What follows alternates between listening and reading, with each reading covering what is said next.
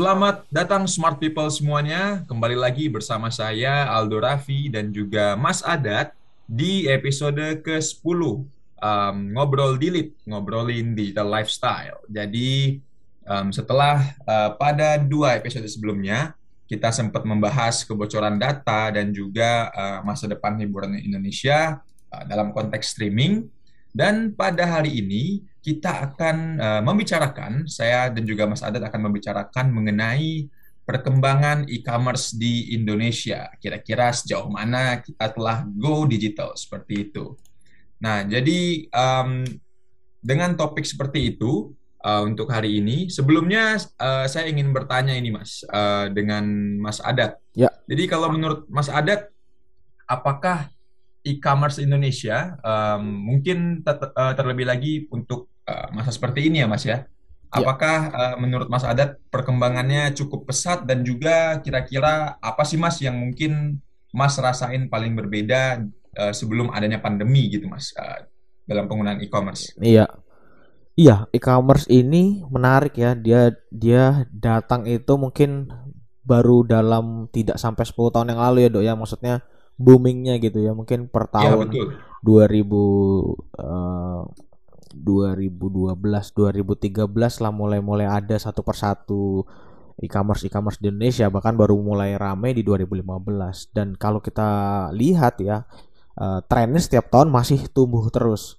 Indonesia salah satu negara yang diperhitungkan perkembangan e-commerce-nya jadi banyak investor-investor luar juga akhirnya uh, menanamkan investasinya ke beberapa e-commerce di Indonesia sebut aja Tokopedia kemudian Bukalapak kemudian ada beberapa yang lain termasuk uh, apa namanya website web web, web lokal ya, ya yang mas. banyak ber, berkeliaran di Indonesia dan kan banyak sekali yang pingin bikin e-commerce dari dulu kan dari dari ada yang spesifik untuk anak bayi dan lain-lain. Jadi perkembangannya itu sangat sangat cepat dan sangat uh, apa namanya tumbuh terus gitu. Karena di negara lain itu tidak tumbuh karena mungkin sudah penetrasinya udah cukup luas dok. Jadi nggak nggak tumbuh. Jadi ya, jangan di, jangan dikira mungkin ini hal yang mengembirakan bagi Indonesia tapi juga jangan dikira bahwa hmm. uh, negara lain tuh tidak tumbuh. Bukan tidak tumbuh tapi mereka penetrasinya udah penuh aja gitu. Misalnya dari dari yang harusnya uh, kayak di Indonesia mungkin sekarang penetrasi pasarnya mungkin sudah di atas 50% ya harusnya. Jadi semua ya, betul. sudah lebih dari 150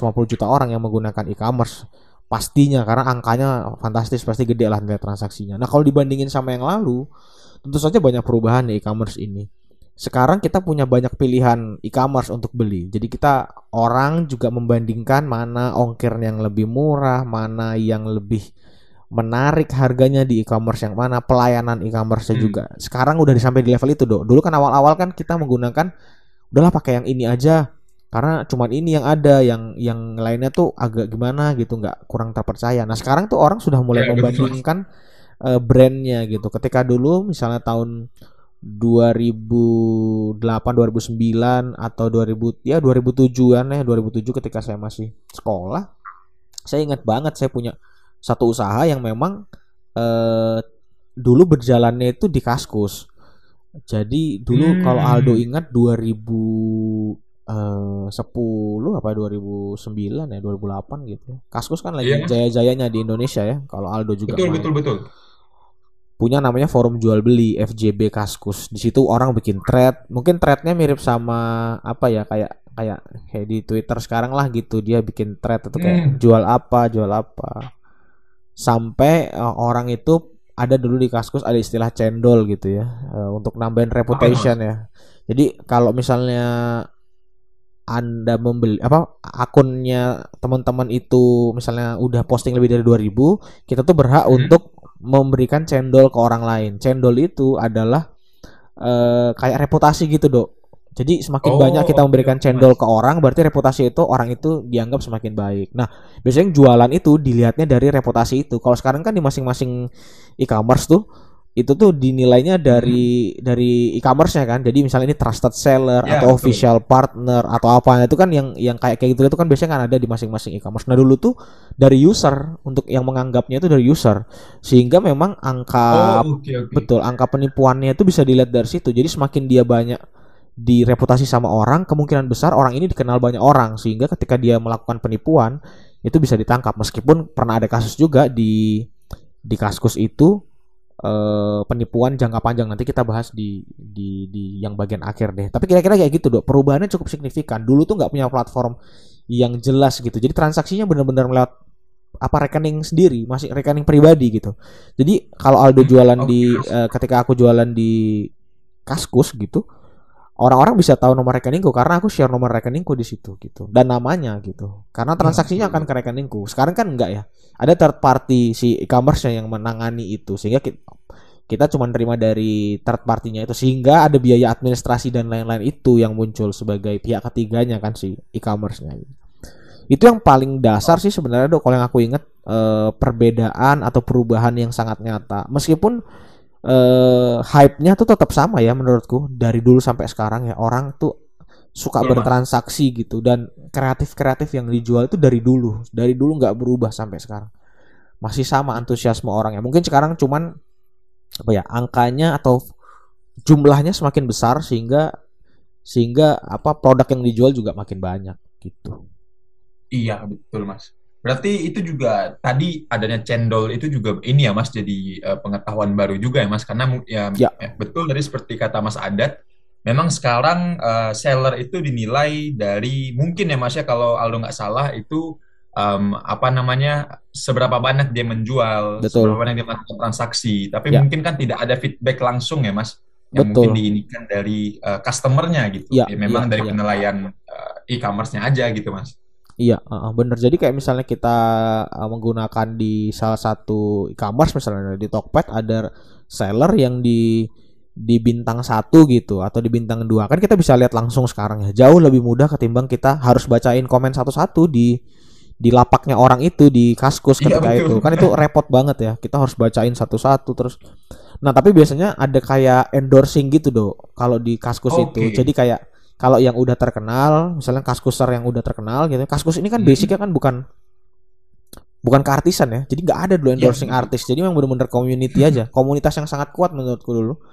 Sehingga yeah, ketika yeah, orang ada satu orang yang endorsing, entah ini orang ini siapa, cuma dia kaskuser aja. Terus dia hmm. terkenal misalnya di Kaskus, terus dia memberikan endorse ini tokonya bagus nih kalau mau beli di sini aja. Ya udah orang-orang pasti belanja di situ karena uh, terpercaya sama komunitasnya sendiri gitu. Dan ini ini sebenarnya ciri khas Indonesia banget itu komunitas gitu ya. Hmm. Ini, ini kita selalu punya komunitas-komunitas ini. Nah, tapi ini memang belakangan memang semenjak ada e-commerce yang third party, hal itu seperti ditutup sih memang. Nanti kita coba bahas di di di tempat lain di di pertemuan lain tapi nanti kita uh, bisa bisa sambung di akhir akhir ini. Oke mas, iya mas betul. Uh, jadi memang ini ya mas uh, munculnya kaskus dan juga kalau Aldo tadi sempat riset mas itu memang uh, Kaskus dan juga Bineka.com mas. Jadi kira-kira di tahun 1999 itu memang jadi awal banget itu mas, awal banget dan juga ya. uh, cikal bakal dari adanya e-commerce ya istilahnya mas di Indonesia seperti seperti mm -hmm. itu. Hmm, hmm. Tapi memang tadi mas setuju juga dengan kata mas Adat, memang sih di zaman dulu yang Aldo Aldo kan mungkin dulu masih masih SD ya masih 2009 2008 gitu ya yeah, yeah, mungkin betul, betul. lalu aware sama apa namanya sama e-commerce seperti ini. Tapi kan memang dulu langsung ya mas, person to person kan mas? Iya betul. Memang tanpa perantara dan betul. juga mungkin ada juga dulu sistem COD gitu ya mas mungkin yang ada ya.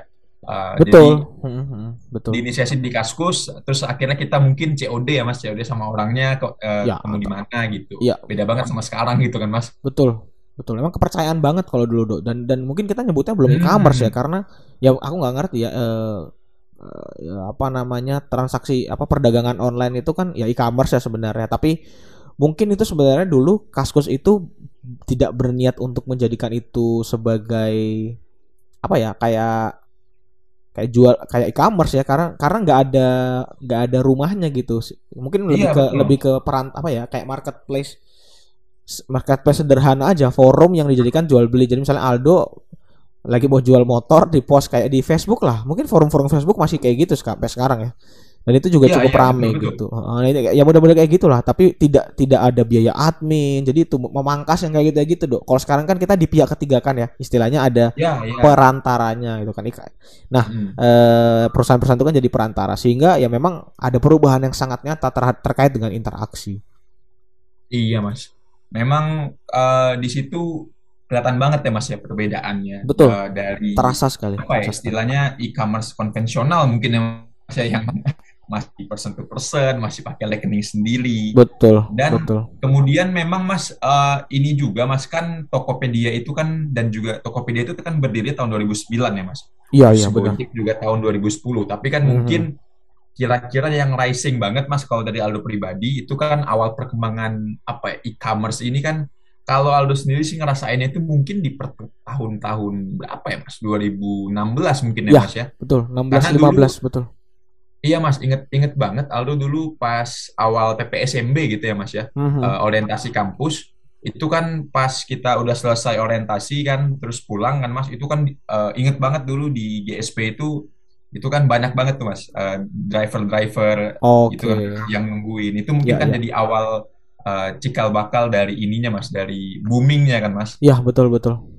Eh, Gojek terus juga eh, Tokopedia terus Mas eh, juga Ya. baru kenal itu kan Mas, Di apa waktu yang namanya bersamaan, betul. belanja online gitu-gitu Mas. Betul Tapi betul. malah Mas, kalau dari yang Aldo baca juga Mas, itu malah um, Harbolnas, Mhm. Hari Belanja Online Nasional itu sudah diperingati dari tahun 2012 Mas. Dan jujur aja Hmm.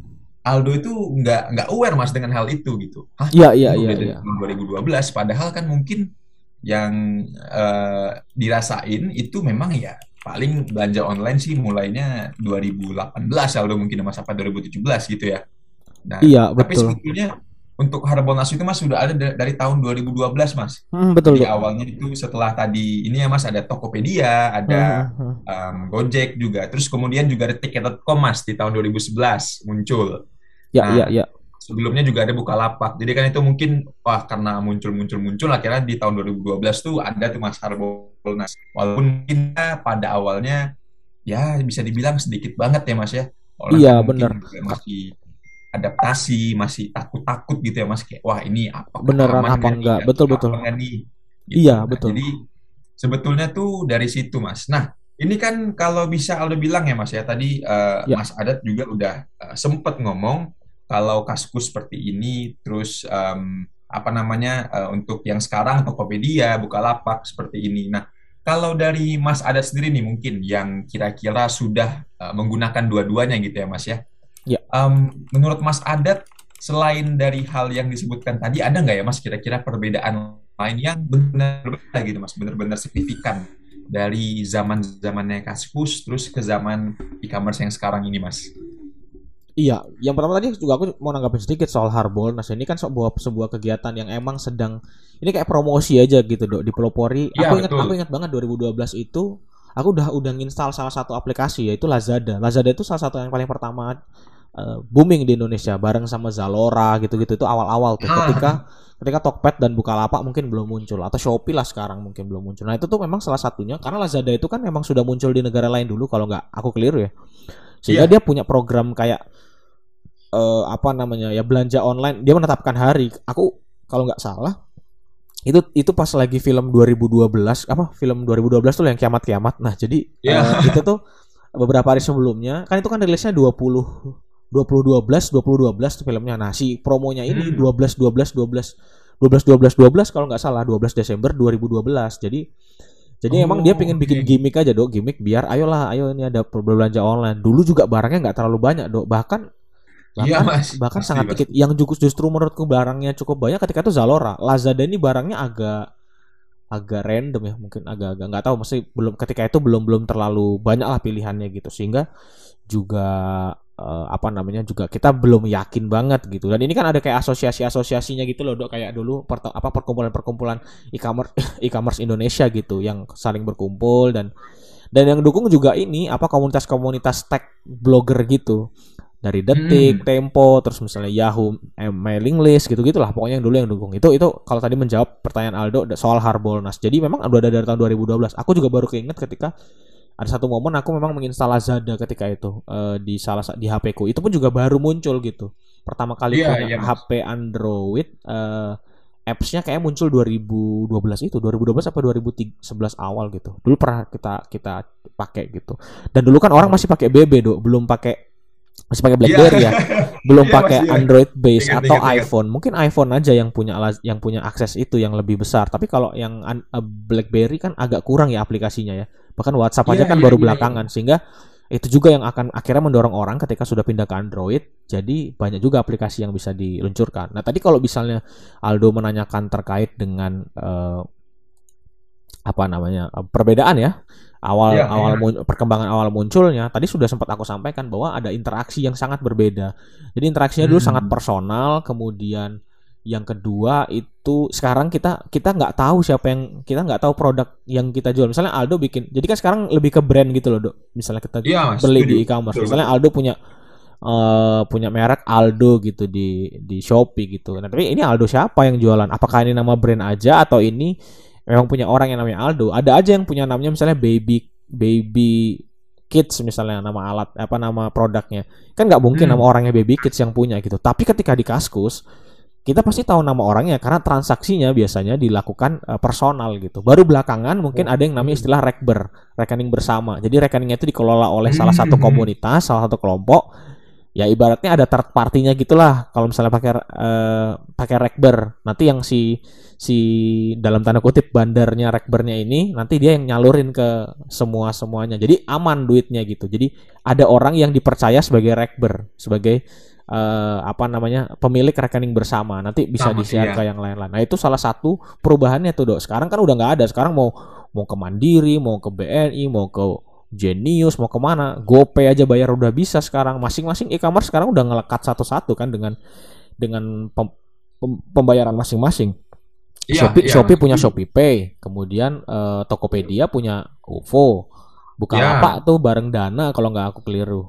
Uh, hmm. Beberapa yang lain bisa dibayar pakai uh, apa misalnya link aja dan lain-lain itu itu semuanya sekarang udah sangat mudah lah kalau misalnya mau transaksi itu hitungan menit aja udah yang penting ada uangnya aja yang paling gampang iya, kalau kalau kalau nggak ada uangnya kan yang repot. Sekarang yang repot cari uangnya bukan memilih barangnya. Sekarang iya. barang udah sangat banyak sekali. Dan dan yang membedakan juga uh, perkembangan awal dari dulu dan sekarang mungkin e-commerce uh, dulu mungkin belum belum tertata rapi gitu ya. Dan memang based on community seperti yang aku bilang tadi FJB Kaskus itu salah satunya tuh based on community. Mungkin yang yang yang memang juga segmentednya berbeda tuh bineka.com tadi uh, bineka.com ini mungkin aku nggak tahu Aldo tahu apa enggak tapi dia uh, jualan perangkat-perangkat komputer dong spesifik perangkat oh, komputer. Oh, jadi lu nomor ya, ya, betul. ya? nomor satunya di Indonesia jualan perangkat komputer itu ya bineka.com uh, bahkan aku pernah menggunakan bineka.com itu tahun 2000 uh, 2007 atau 2006 kali ya 2007 apa 2006 gitu untuk beli hard disk. Karena dulu dia jualannya murah ketimbang di kotaku sendiri gitu jadi ongkir murah terus harganya lebih murah ketika itu. Jadi kayak beli flash disk itu lebih murah gitu-gitu.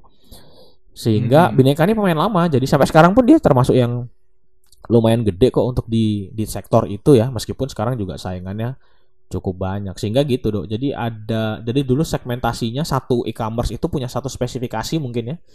Uh, ya, apa apa apa gitu. Tapi sekarang sekarang sekarang juga ada yang kayak gitu. Tapi yang general kayaknya yang lebih ini ya yang lebih banyak yang digunakan. Karena orang pengen beli ini bisa langsung lihat di sini di satu aplikasi yang sama gitu. sekarang ya itu tadi perbedaannya pada brandnya. Percaya yang mana nih kita mau beli di mana gitu. Apakah ada tokonya di sini atau enggak? Kan kan uh, e-commerce ini kan hanya memberikan wadah untuk toko-toko gitu. Nah tapi toko-tokonya ini iya. kan ada yang dedicated di satu aplikasi ada yang emang dia buka aja di semuanya gitu gitu Iya mas, betul, per Perbedaannya yang paling nyata kayak gitu ya. Selain juga tentu saja fitur-fiturnya sekarang makin makin oke okay sih dok. Dulu mungkin hmm. juga ya sekedarnya lah gitu. Dulu kan kita harus ngirim resi kan kalau pakai Kaskus. Iya. Pada nanya nomor resi iya. kan.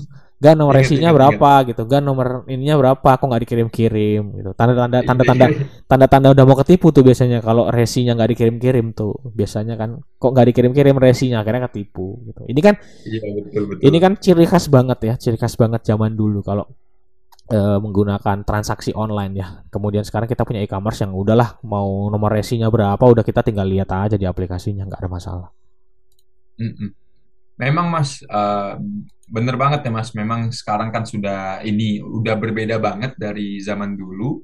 Dan juga kan di sini Mas memang uh, dengan munculnya e-commerce yang seperti sekarang ini kan juga berpengaruh ya Mas ya ke hmm. Indonesia secara keseluruhan gitu Mas.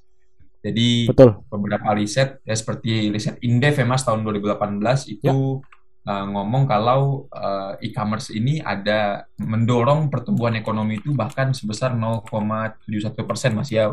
Ya itu sangat ya besar ya mas ya untuk besar sekali besar pertumbuhan besar ekonomi sebesar itu ya. dengan adanya e-commerce aja gitu. Dan juga kan tadi mas juga uh, dengan mungkin adanya Tokopedia dan juga um, Bukalapak sekaligus kan membantu ini ya mas membantu bisnis UMKM juga Indonesia gitu ya mas.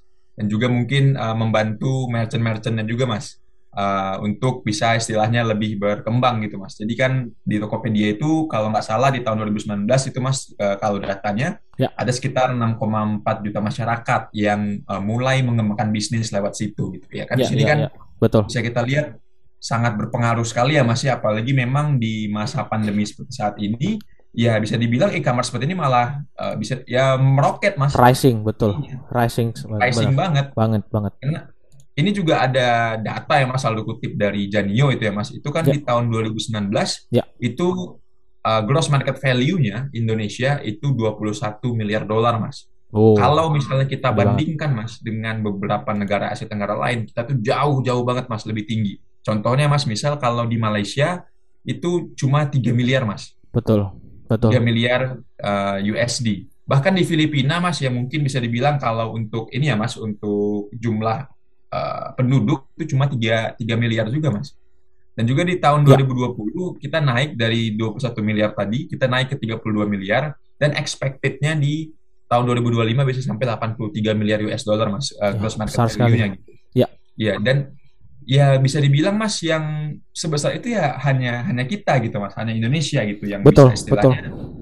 Um, membuat dampak yang sebesar itu dan juga tadi mungkin selain jumlah penduduk dan juga kan memang kita udah banyak ya mas ya contoh yang Tokopedia, Bukalapak, Gojek gitu-gitu kan yang memang asli dari Indonesia gitu ya. sehingga kan di sini bisa kita lihat dampak yang ditimbulkan dari adanya e-commerce ini kan sangat besar ya mas uh, bagi uh, perekonomian gitu. Betul, betul. Nah, dampak yang sangat besar ini dan juga mungkin membawa apa ya istilahnya membawa keuntungan, membawa perkembangan yang cukup pesat bagi UMKM, bagi pelaku bisnis di Indonesia. Um, kalau menurut Mas Adat nih Mas, dengan adanya um, e-commerce dengan sistem yang seperti ini, dengan segala yeah. mekanismenya, dengan promo-promonya mungkin. Kira-kira selain dampak-dampak positif tadi ya Mas yang sudah diinikan, apa sih mas kira-kira negative sides atau mungkin uh, dampak negatif yang ditimbulkan dari adanya e-commerce ini mas? Iya, uh, emang kita punya potensi yang besar sekali ya dok ya. Bahkan kita ini masih potensi loh, belum penetrasinya belum full. Jadi bayangin aja betapa luar biasanya uh, potensi e-commerce di Indonesia. Oleh karenanya kenapa banyak regulasi-regulasi yang mengatur soal itu. Tapi besarnya angka e-commerce atau pengguna e-commerce di Indonesia ini itu juga sebenarnya uh, bermata dua ya sebenarnya atau uh, pisau hmm. bermata dua gitu ya. Jadi ada satu sisi ada tentu saja pasti akan me, uh, meningkatkan pertumbuhan ekonomi itu udah pasti. Karena kita tuh memang di Indonesia kan uh, pertumbuhan ekonominya PDB-nya itu pengaruhnya besar sekali dari konsumsi konsumsi uh, masyarakatnya. Karena kita keunggulan kita itu sekaligus kelemahan kita itu jumlah masyarakatnya yang besar gitu. 270 juta. Bayangin aja kita bisa sangat mandiri dengan dengan transaksi antar 270 juta orang. Berbeda dengan Singapura mungkin yang harus uh, mengandalkan eh, jasa-jasa uh, dari negara lain misalnya dengan jasa perbankan dan lain-lain. Kita dengan konsumsi transaksi konsumsi aja kita udah sudah bisa gitu untuk untuk survive gitu. Nah tapi uh, bahayanya dari dari e-commerce atau dampak negatif dari e-commerce ini juga cukup banyak sebenarnya.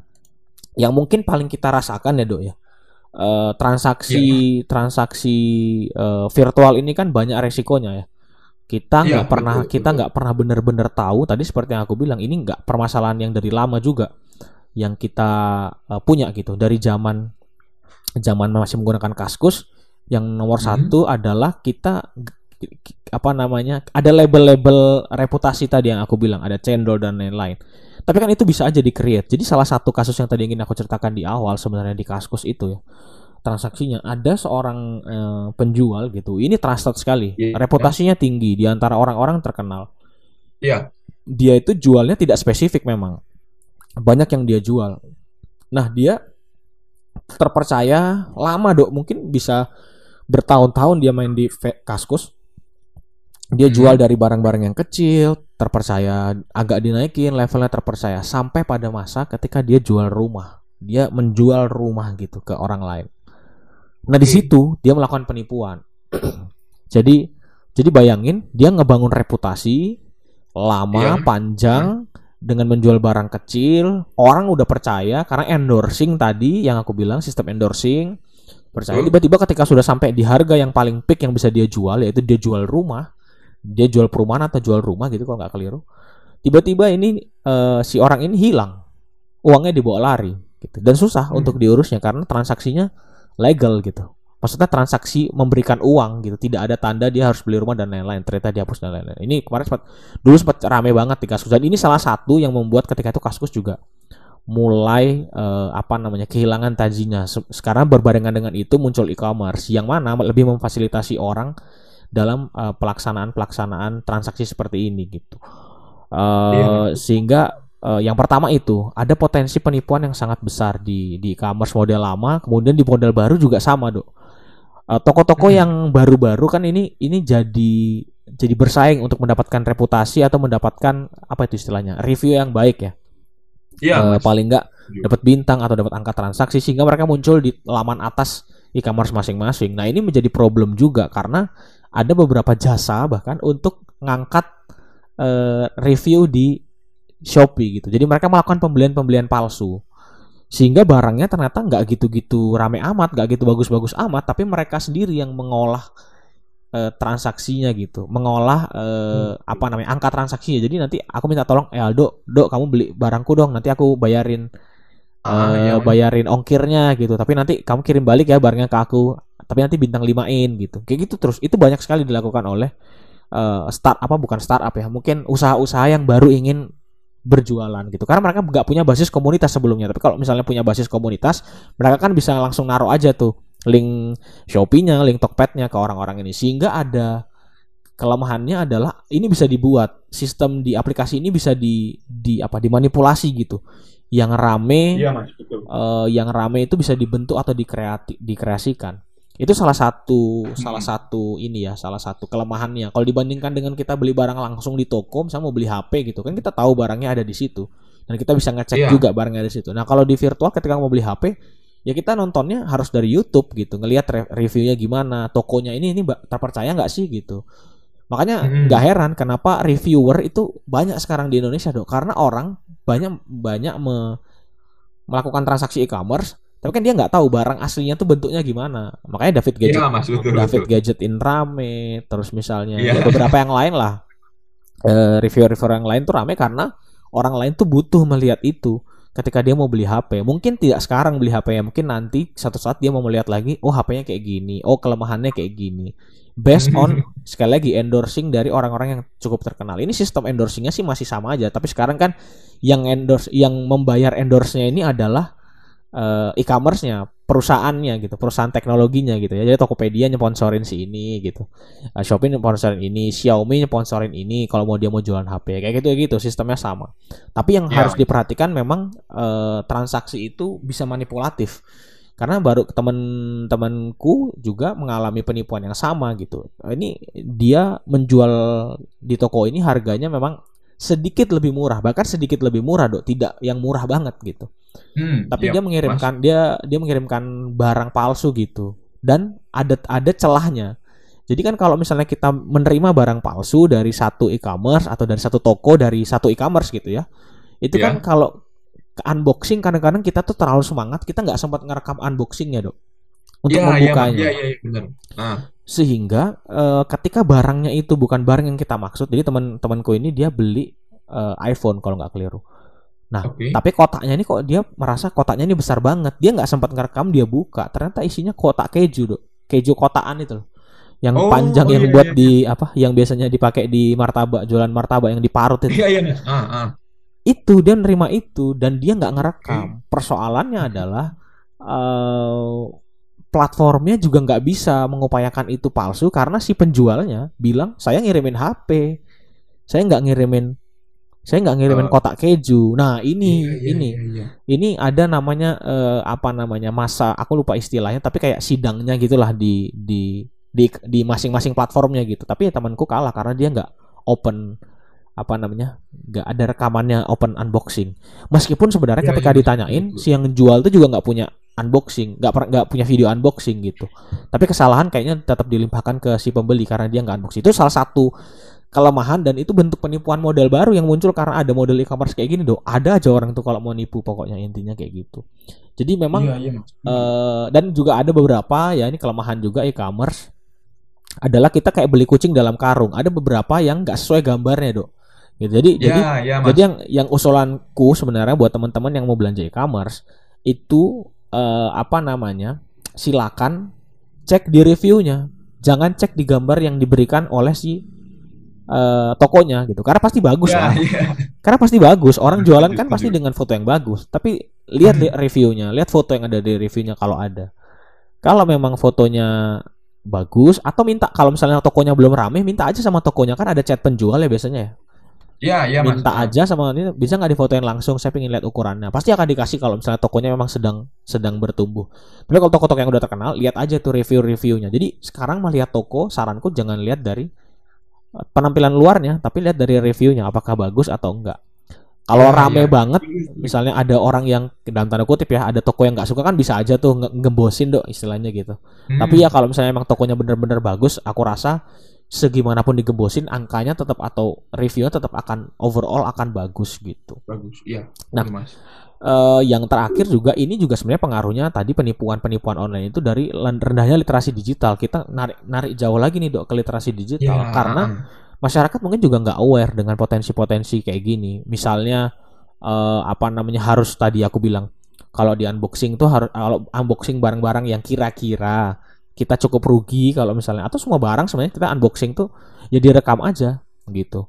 Karena itu ibaratnya adalah bukti untuk kita kalau misalnya barangnya itu tidak sesuai dengan apa yang dijual. Nah, kita akan menang ketika kita unboxing nggak nerima barang yang bagus dan pasti e-commerce akan bertanggung jawab untuk mengembalikan dana dan akan menuntut ke pihak penjualnya. Bisa akan disuspend atau di ban bahkan kalau misalnya dia jual barang-barang yang nggak sesuai kayak gitu. Jadi Iya, ini betul. tapi ini butuh eh, pengetahuan eh, literasi digital juga dari eh, orang Indonesia sehingga masa pandemi ini sebenarnya blessing in disguise juga buat Indonesia, buat masyarakat Indonesia yang selama ini memang agak sulit dok disuruh untuk transformasi digital ya. Eh, menggunakan WhatsApp atau menggunakan platform-platform Messenger orang-orang tua kan agak sulit ya takut takut Hmm. ini takut ini takut ini nah ini sekarang masa pandemi ketika anak-anaknya harus sekolah online mereka harus belajar ngajarinnya gimana cara install ininya dan lain-lain semuanya sekarang ada percepatan dan ini adalah blessing in disguise ya bukan yang mencukuri Iya. adanya pandemi tapi memang ini percepatan yang memang kita lakukan harus dilakukan oleh semua orang termasuk dalam berbelanja online. Nah, biasanya orang-orang yang baru ngerti belanja online ini dampak negatifnya adalah belanjanya jadi tidak terukur itu dia yang jadi masalah gitu. Jadi Iya, benar banget. jadi Mas. potensi keuangannya sendiri harus diukur gitu sehingga em, literasi digital ini penting untuk mengcover ya, untuk memagari orang-orang agar tetap berada di jalur yang benar ketika menggunakan e-commerce. Yang terakhir mungkin soal eh, isu keamanan data. Ini yang paling penting. Aku selalu menyarankan kepada semuanya untuk menggunakan tidak nama aslinya ya untuk ketika berbelanja di e-commerce. Jangan Iya. mencantumkan seluruh alamat eh maksudnya mencantumkan alamat lengkap pasti karena kan akan dikirimkan ke rumah. Tapi untuk nama kemudian alamat email bisa dibuat khusus yang baru yang tidak ada kaitannya dengan nama kita. Karena apa? Ya, Karena betul. potensi untuk kebocoran datanya cukup tinggi. Bayangin aja kalau kita nyantumin nama lengkap, kemudian email kita dengan nama kita, itu potensi ketika datanya bocor gitu. Kita nggak pernah tahu potensi data bocor ini seberapa besar, seberapa kapan Hmm. aja gitu. Nah ini bisa dimanfaatkan oleh pihak yang lain karena mereka juga bisa dapat akses rumah kita di mana. At least kalau mereka dapat akses rumah kita, mereka nggak dapat nama kita lah. Sehingga ketika misalnya ada penipuan eh, ngirim barang dan lain-lain, kan udah banyak kejadian tuh dok. Ada yang ngirimin barang Iya, terus terus tiba-tiba ngaku-ngaku ini bapak kemarin ngirim sini tapi sa- saya mohon mohon tebusan untuk barangnya ini karena ada yang pajaknya bla bla bla bla bla gitu. Tapi kok dia tahu rumah kita ya alamatnya ya? Ini karena salah satunya kebocoran data. Hmm. Jadi itu, jadi eh berusahalah untuk sebisa mungkin mencantumkan nama-nama yang minim. Misalnya kalau Aldo, ya udah tulis aja misalnya nama belakangnya Aldo gitu atau nama tengahnya Aldo Ya. yang mungkin tidak banyak diketahui orang gitu. Atau misalnya namanya Aldo jadi Dodo gitu misalnya. Mungkin orang kan tetap tahu ya kalau misalnya kirim ke kosan siapa nih yang namanya Dodo do oh Aldo nih mungkin gitu. At least, Ya. at least pun akan bapak kosan kan akan kalau di kosan kan akan nyimpenin dulu barangnya nggak mungkin lah langsung di bukan nih nggak ada yang namanya kayak gini di sini nggak mungkin lah pasti akan ada Hmm, akan ada gitu. betul mas. Nah itu itu mungkin beberapa dampak negatif ya. Aku tahu Aldo mungkin pernah punya pengalaman terkait dengan eh, penipuan di e-commerce mungkin atau dampak negatif di e-commerce. Kalau Aldo tadi Mas juga sependapat ya Mas sama Mas Adat Eh, tadi juga kan kalau Aldo sih Mas seling banget ya Mas eh, ngelihat mungkin meme gitu ya Mas atau postingan-postingan di Instagram atau di media sosial lainnya kadang kan banyak banget tuh Mas yang di saat di fotonya itu wah sebagus ini tiba-tiba pas datang tuh zong gitu Mas itu kan eh, banyak Betul. banget ya Mas di yang udah pengalaman-pengalaman orang untuk membeli secara online gitu. Nah, itu kan memang eh, menurut Aldo salah satu hal yang harus diiniin juga, Mas. Karena jujur aja, Mas, kalau Aldo sendiri pribadi, Mas. Jadi misal Aldo mau mau beli apa ya, Mas? Mau beli sesuatu nih ya, Mas. Ya. Jadi memang eh, tadi, Mas, eh, seperti yang kata Mas Adat, Aldo memang ngelihat foto ini, Mas. Ini kan bagus banget ya, Mas. Dari lightingnya, dari Betul. posisi penempatan kameranya, dari Ya. angle diambil fotonya itu kan bagus banget, Mas. Betul betul. Tapi terus karena ngelihat gitu kan Mas ya udah lu akhirnya lihat ke eh, komentar, ngelihat ke review-reviewnya, kadang ada yang memang oh ternyata ya seperti ini gitu Mas. Karena kalau ada pribadi memang melihat barang asli adalah barang yang difoto dari kamera HP gitu Mas. Maksudnya secara sederhana gitu ya Mas. Betul Itu ya betul. itu mencerminkan barang aslinya secara lebih baik ya mungkin sangat-sangat mendekati barang aslinya Iya gitu. iya betul sekali. Betul sekali itu. Dan itu kan eh, ya itu mas jadinya mungkin itu membuat kita dan juga mungkin buat smart people semuanya ya itu mungkin bisa jadi acuan baru ya kalau misalnya kita mau beli apakah kita benar-benar yakin dengan barangnya ya mungkin bisa dilihat lagi foto-fotonya terus Ya mungkin video-videonya gitu. Betul Ya betul reviewnya betul mas betul. Itu itu jadi Dan salah kan satu mas, kunci. Heeh, heeh, heeh. ya mas ah Iya itu jadi salah satu kunci sih kalau menurutku untuk untuk transaksi digital sekarang ya. Sekali ya lagi banget. eh, literasi digital penipuan online itu menyasar semua orang. Jadi jangan merasa kita nih saya pinter kok, saya udah familiar di Ya betul di betul. ini udah lama, saya pemain lama nih gitu. Nggak ada, nggak bisa dong, nggak nggak akan ada nggak akan ada apa namanya orang yang aman betul dari penipuan online ataupun persoalan keamanan data semacam inilah penipuan-penipuan barang ini nggak akan ada bahkan teman saya yang tech tech geek gitu ya orang yang sangat geek sama urusan-urusan keamanan data ya ketipu juga nerima barang palsu gitu-gitu tetap aja nggak bisa. Sulit Iya dihindari ya. karena itu memang eh, kadang-kadang kita tuh dalam sepersekian detik kita luput aja gitu. Terus tiba-tiba kita loh kenapa aku kayak gini ya? Beli beli yang ini gitu ya. Ya tapi ya Benar. itulah. Itu itu itu mengancam semua orang. Jadi jangan tidak ada level kepintaran atau atau terliterasi dengan baik di literasi digital. Yang harus dilakukan adalah kita terus belajar yang pertama. Yang kedua harus terus waspada. Setiap kita mau Setuju. setiap mau beli itu harus waspada. Bukan cuman ketika sekali aja waspada kita setiap mau ngelihat wah waspada nih bener nggak nih bener nggak nih? Cek and recheck lah gitu kalau bahasa dulunya itu dicek kemudian di recheck di recheck di recheck lagi. Sampai yakin banget oh ini barangnya trusted kita beli gitu itu sih sebenarnya eh, di e-commerce gitu Benar banget Mas. Jadi itu juga jadi ini ya bagi smart people semuanya itu mungkin jadi salah satu uh, tips dan tips trik betul dalam melakukan uh, transaksi online. Jadi yang pertama mungkin smart people semuanya usahakan jangan pakai identitas asli. Terus kemudian uh, selalu cek um, gimana review-reviewnya, foto mungkin dari konsumennya, foto dari pembeli itu penting banget. Betul Dan betul. juga tadi yang mungkin ini yang paling jarang dilakukan sama orang ya Mas, ya ya. Video unboxing betul itu unboxing. Betul. Jarang banget Mas karena orang mikirnya kan ah ribet ngapain di video, mager segala macem. Jadi tapi di satu sisi ya itu orang apa ya tidak eh, kurang aware mungkin ya Mas dengan eh, pentingnya untuk melakukan video unboxing itu Mas. betul Apalagi kalau betul. kita beli barang yang bisa mahal. dibilang cukup mahal gitu ya Mas. betul betul sekali ya itu sering Karena kejadian sama teman-teman ya betul Iya Mas, betul betul banget. Jadi mungkin itu eh, ini ya teman-teman eh, smart people semuanya bisa melakukan hal-hal tadi supaya kita pun berbelanja online secara nyaman dan juga eh, lagi-lagi ya Mas, itu kan kita nggak tahu ya Mas. eh, tadi apa ya chance atau ya mungkin eh, ini kita untuk kena penipuan itu Peluang, besar ya. sekali gitu. Mas. peluang kita untuk kena itu penipuan tuh selalu ada Betul sehingga banget, betul sehingga ya emang harus waspada aja. Bahkan eh, ketika tidak penipuan pun dok eh, Ya. barang yang dikirimkan ke kita ini kan barang yang kita nggak tahu juga. Mungkin mungkin si si siapa namanya si pengirimnya juga dari box kan sehingga dia percaya pada produksinya aja. Misalnya saya beli Iya, TV benar. TV merek A gitu. Tiba-tiba bisa aja TV-nya pecah ketika pengiriman dan kita kita harus nge videoin unboxingnya. Karena kalau enggak ya TV-nya kan pasti dikirim maksudnya se- sebuah perusahaan besar masa mengirimkan TV rusak ke pelanggannya? Kan nggak mungkin ya agak nggak mungkin. Tapi bisa Hmm. aja di jalan tuh terjadi sesuatu pada pengirimannya. Jadi kita harus merekam supaya kita bisa klaim bahwa ini TV yang kamu kirim rusak gitu tolong dong dibenerin. Tapi kalau itu nggak ada bisa aja kan?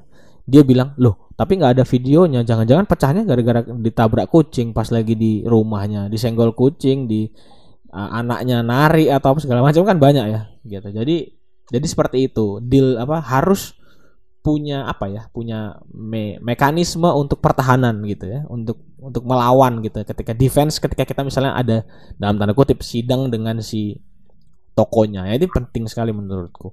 Jadi jadi kalau aku kalau aku rasaku tapi tapi sekali lagi ini or- yang tadi kita bicarakan ini adalah potensi terburuknya. Sebenarnya potensi e-commerce ini ke depannya juga sangat banyak dok.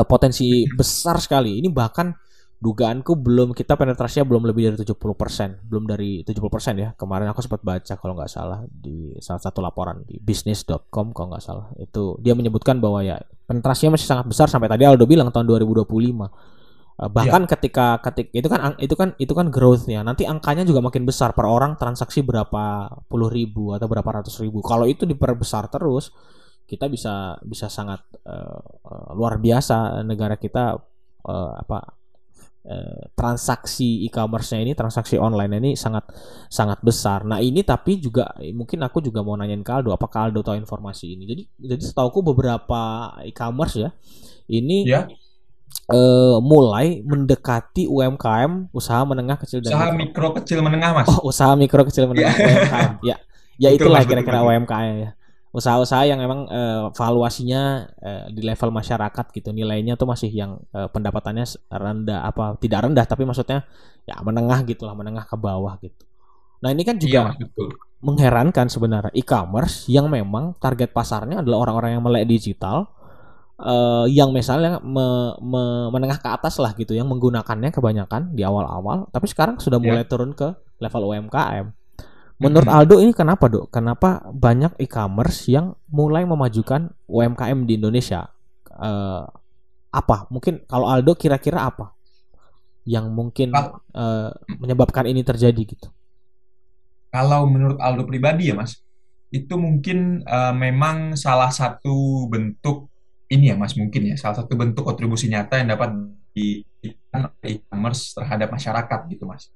Tadi kan mungkin kalau misalnya kita berbicara data gitu ya, Mas, tadi mungkin soal eh, gross market value-nya, terus soal transaksi segala macam, itu kan tidak dapat mencerminkan seluruh masyarakat gitu ya, Mas. Nah, betul mungkin kan di satu sisi uh, e-commerce ini juga melihat ada beberapa masyarakat yang belum aware bahkan belum tersentuh dengan adanya e-commerce ini, Mas. Bahkan untuk mengoperasikan HP pun mungkin bahkan ada um, cukup banyak beberapa orang yang masih harus beradaptasi lagi gitu, Mas. ya betul Nah, Kalau Aldo sih melihat upaya-upaya seperti ini, uh, aku melihatnya memang untuk uh, menjadi kontribusi nyata mereka, Mas. Uh, seperti misalnya uh, tadi Tokopedia, Bukalapak segala macam, untuk memajukan bisnis-bisnis lain uh, menjadi digital gitu, Mas. Ini Betul. kan juga ada program pemerintahnya, ya, Mas. UMKM Go Digital itu memang Betul, ada program dari pemerintahnya dan juga kan uh, pemerintah juga berapa kalau Aldo nggak salah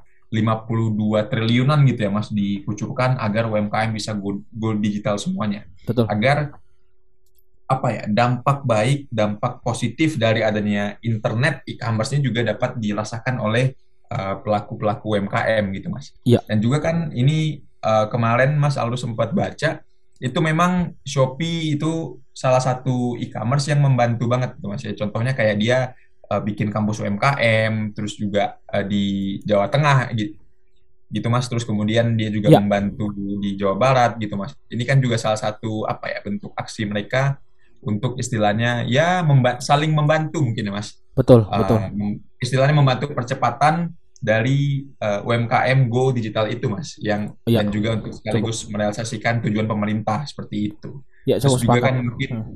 beberapa e-commerce lain juga ada ya, Mas, eh, kontribusi-kontribusi yang mungkin seperti Tokopedia, Bukalapak segala macam yang memang ada atau eh, kontribusinya sendiri untuk eh, memajukan ini gitu, Mas. Betul. Seperti itu. Heeh, nah UMKM ini juga salah satunya kenapa disasar karena ini masa depannya, Dok. Maksudnya UMKM Ya, tidak Mas. tidak selamanya menjadi UMKM kan. Tentu saja Hmm. ada scaling up, ada kalau dugaanku ya akan ada scaling up dari UMKM ini menjadi perusahaan-perusahaan besar tentunya harapannya. Jadi jadi Benar, Mas. eh, UM berinvestasi di UMKM atau memajukan usaha lokal melalui Go Digital ini ini salah satu cara bahwa pemerintah atau eh, pihak swasta gitu ya, pihak aplikasi itu perusahaan teknologi, perusahaan e-commerce itu punya harapan besar terhadap UMKM untuk tumbuh. Jadi kalau misalnya kita lihat angkanya kan eh, transaksi UMKM, kontribusi ke UMKM terhadap PDB kan juga gede ya, ribuan triliun bahkan eh, transaksinya dalam satu tahun mungkin. Dan ini ini potensi yang masih besar sekali karena banyak eh, warung-warung, usaha-usaha yang rumahan gitu itu tidak tercover oleh kita. Bahkan mungkin ada yang jualan cincin, ada yang jualan gelang bagus gitu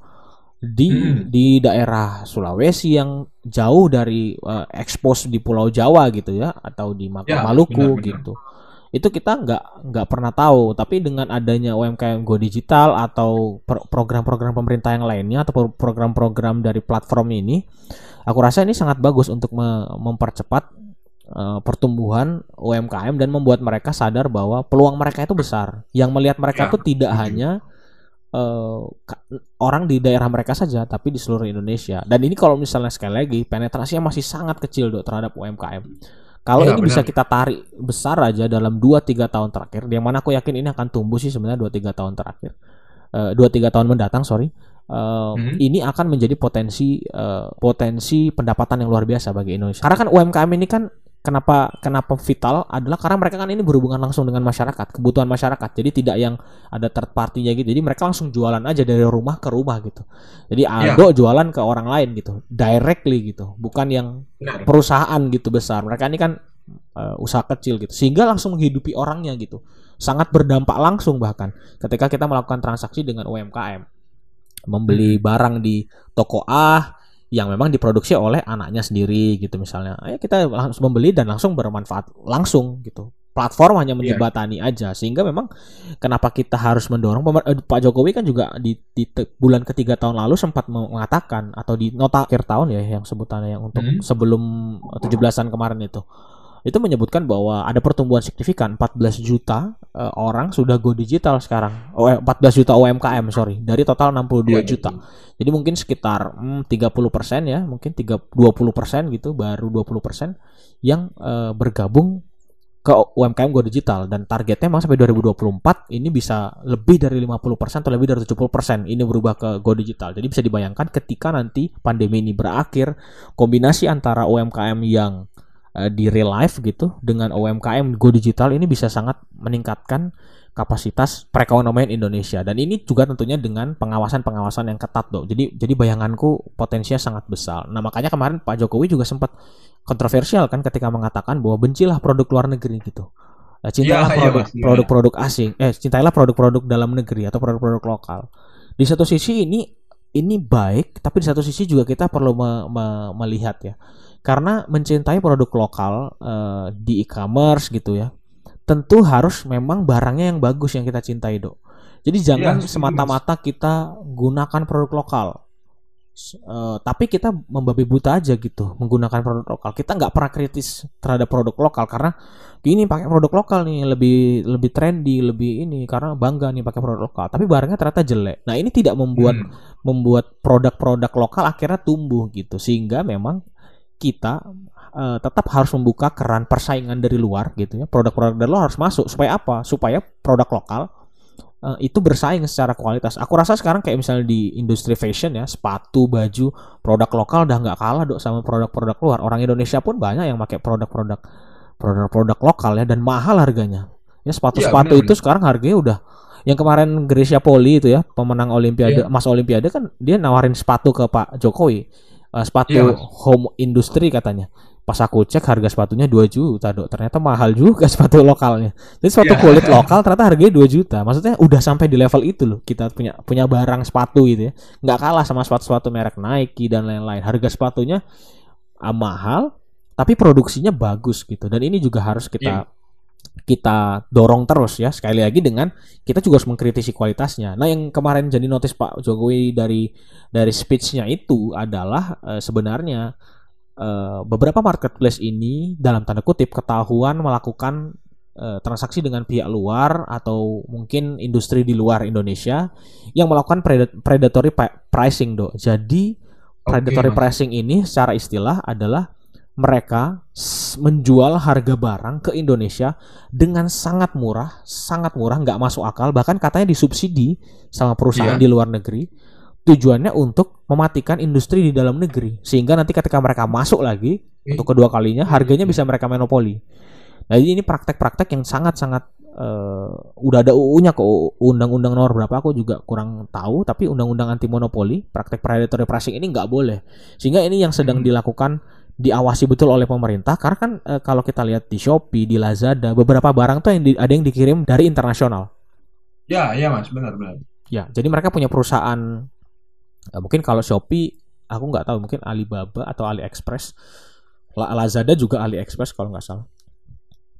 Jadi mereka melakukan pengiriman dari aplikasi-aplikasi itu dari Cina gitu sehingga eh, predat- proses predatory pricingnya harganya sangat murah di Indonesia bahkan ditemukan harga jilbab ya dok yang di Indonesia Iya. mungkin harganya paling murah lah sepuluh ribu lima ribu gitu ya ada lah itu yang jual segitu dari sana harga masuknya 1.800 rupiah dok ini sangat mengejutkan dan sangat membunuh menurutku untuk industri di Indonesia sehingga inilah Iya. peran pemerintah menurutku untuk ya mendorong UMKM go digital boleh aja tapi proteksi terhadap eh, barang-barang semacam ini yang harganya nggak karo-karuan ini harus dibatasi dan itu kayaknya belakangan sudah mulai sedikit ya barang-barang dari luar negeri. Ada ada sistem pajak barang masuk ke Indonesia. Dulu itu kalau nggak salah berapa ratus dolar yang harus kena pajak. Harga barang di bawah 100 ribu kayaknya eh harga barang di atas 100 sekian ribu baru kena pajak. Tapi sekarang Betul kalau nggak keliru harganya berapa dolar ya? 4 dolar apa 5 dolar udah kena pajak dari luar. Sehingga eh, industri dari luar masuk ke sini juga pikir-pikir gitu ternyata costnya cost pajaknya mahal juga. Nah ini dok. Ini pra- praktek predatory pricing ini sebenarnya salah satu ancaman bagi UMKM bayangin aja misalnya dia harga jilbab 10.000 ribu 11.000 ribu konsumen kan manusia masyarakat ekonomi ya yang mencari harga yang murah gitu. Ya tentu saja akan beli yang harga yang murah dong dan eh, tidak sehat sekali. Harganya nggak sehat dok. Mungkin kalau selisihnya cuma 100 200 gitu ya rupiah atau Oke lah 300 ya, Mas, rupiah. Iya. masih Hmm. masih masih kita tolerir ini harganya 10 kali lipatnya dok dan bahkan Iya, dan ini benar. sangat-sangat me- menyedihkan gitu kita melihat. Jadi jadi teman-teman juga mungkin bisa bisa me- terus melaporkan ini ke Men- Kementerian Keper- Perdagangan kan kalau nggak salah ada aduannya gitu aku lupa nah, alamat aduannya sehingga kalau ada yang ditemukan harga-harga yang nggak masuk akal semacam ini bisa dilaporkan ke platform. Tapi sekarang platform sudah mulai sangat membatasi hal-hal seperti itu. Jadi nggak ada lagi harga mungkin sudah mulai tipis ya harga-harga barang yang nggak masuk akal. Terutama di harga-harga barang yang eh, eceran-eceran gitu dong. Mungkin yang jilbab, baju, kaos dan lain-lain. Tapi mungkin di beberapa barang yang kita nggak produksi kayak barang-barang teknologi ya, barang-barang teknologi mungkin masih beberapa masuk karena memang di Indonesia udah nggak ada yang bikin gitu. Tapi kan kalau misalnya jilbab, kalau misalnya kaos kan kita juga produksi di Indonesia. Begitu sehingga pemerintah fungsinya adalah itu, kemudian masyarakat kita mencoba terus deh untuk melaporkan proses atau praktek predatory pricing kita juga belanja aja terus. Dan kritisi produk lokal. Sekali lagi UMKM Indonesia tidak akan maju kalau misalnya eh, kita nggak pernah kritis terhadapnya. Sekarang kita udah mulai banyak lah produk-produk lokal. Aku aku sendiri sepatuku sekarang ya karena juga selain tidak mampu ya sekarang produknya juga belinya lokal-lokal aja. Tapi bagus aja dok. Maksudnya awet juga gitu. Udah dipakai bertahun-tahun betul. juga awet. Mungkin Aldo juga punya pengalaman seperti itu terkait dengan produk-produk lokal gitu ya. Iya, iya Mas. Kalau Aldo memang sih di produk lokal sekarang Aldo bisa bilang inilah ya Mas. Maksudnya eh, sangat-sangat bersaing ya Mas. Ya apalagi ini Mas dan juga kan memang eh, tadi Mas seperti eh, adanya public-public figure gitu ya Mas. Itu juga berpengaruh banget dan memang ya bisa dibilang sekarang ini udah sangat-sangat bagus lah secara kualitas betul betul dengan harga yang cukup bersaing gitu. sangat Jadi sangat bersaing ya Jadi smart people semuanya untuk uh, sepatu-sepatu atau mungkin uh, baju-baju gitu, jangan ragu untuk beli uh, produk lokal sekaligus uh, istilahnya membantu usaha-usaha lokal kita untuk uh, lebih ya. uh, berkembang gitu. Jadi jangan ada mas kan kadang seling gitu ya mas anggapan kan misalnya kayak ya. ah, kok sepatu lokal harganya 2 juta, lo kok ya. sepatu lokal harganya satu setengah juta. Nah Betul. kan mindset seperti ini nih mas harus yang dihapus. Betul. Apa ya? Betul. Itu Aldo kan kadang sering lihat ya mas di YouTube gitu ya mas, misalnya ya, review sepatu uh, nah project gitu mas, yang betul, lokal betul. yang yang udah terkenal banget kan mas. Sangat terkenal gitu. karena pakai Pak Jokowi. Nah, terus juga ada mungkin review-review sepatu lain uh, lokal-lokal lain yang bagus-bagus banget dan betul. kadang ada aja gitu mas yang ya komen-komen gitu tuh. Kok mahal gitu? Yang, ah, ah lah kok ini harganya segini segini segini. Ya, padahal ya, ya. kualitas yang ditawarkan juga Bagus. sangat ya udah cukup inilah ya mas. Udah pas lah dengan harga segitu mas. Betul. Dengan kualitas yang ditawarkan seperti itu. Nah Sepakat. jadi untuk smart people semuanya uh, jangan ragu untuk uh, membeli produk lokal karena kualitasnya sekarang pun sudah sangat sangat sangat bagus mas. Seperti itu. Setuju setuju sekali dok. Dan ini memang juga jadi jadi ini aja jadi uh, apa namanya mungkin kita juga harus mulai meningkatkan standar uh, barang lokalnya gitu. Jadi jadi kita hmm, Uh, wajarin aja kalau mahal karena emang pasti yang harga yang mahal ya nggak main-main. Tapi kan kualitas itu kita bisa rasakan lah kalau emang mahal gitu. Nah, uh, apa namanya beberapa produk ini kan juga dijual online. Pelayanannya gimana? Terus uh, apa namanya brandnya gimana? Sekarang kayak brand-brand lokal kayak Brodo kalau sepatu ya mungkin di yeah. beberapa barang lain tuh juga ada mungkin nah project tadi karena di endorsing Pak Jokowi juga. Uh, ini kan ini kan luar biasa sekarang growthnya. Mereka bikin sepatu yang udahlah udah udah udah oke okay lah gitu. Tapi ya sekali lagi kita harus kritis kalau emang jelek ya harus kita bilang jelek. Kalau bagus ya bilang bagus gitu. Nah mungkin mungkin itu sih dok. Jadi uh, beberapa hal yang mungkin bisa kita sampaikan uh, terkait dengan perkembangan e-commerce di Indonesia dari dulu sampai sekarang. Dari yang tadi mungkin kita bahas soal kaskus terus kita bahas bineka hmm. sampai dampak negatifnya kita di e-commerce saat ini. Jadi banyak sekali yang bisa kita petik ya dari dari uh, perjalanan e-commerce di Indonesia, suatu saat kita nggak tahu e-commerce akan seperti apa lagi. Yang jelas sekarang yang sedang bersaing itu Benar, jasa pengirimannya, dok. Jadi sekarang sangat growth itu jasa pengiriman.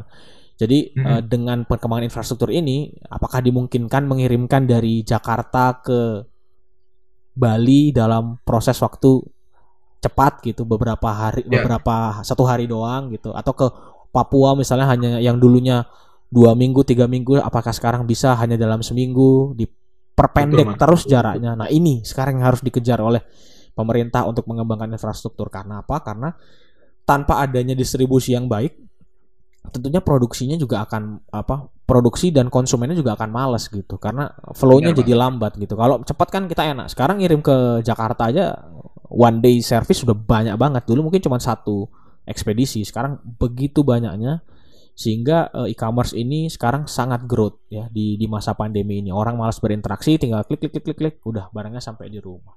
Jadi hmm. itu sih mungkin dok yang bisa kita bahas banyak dari e-commerce kali ini.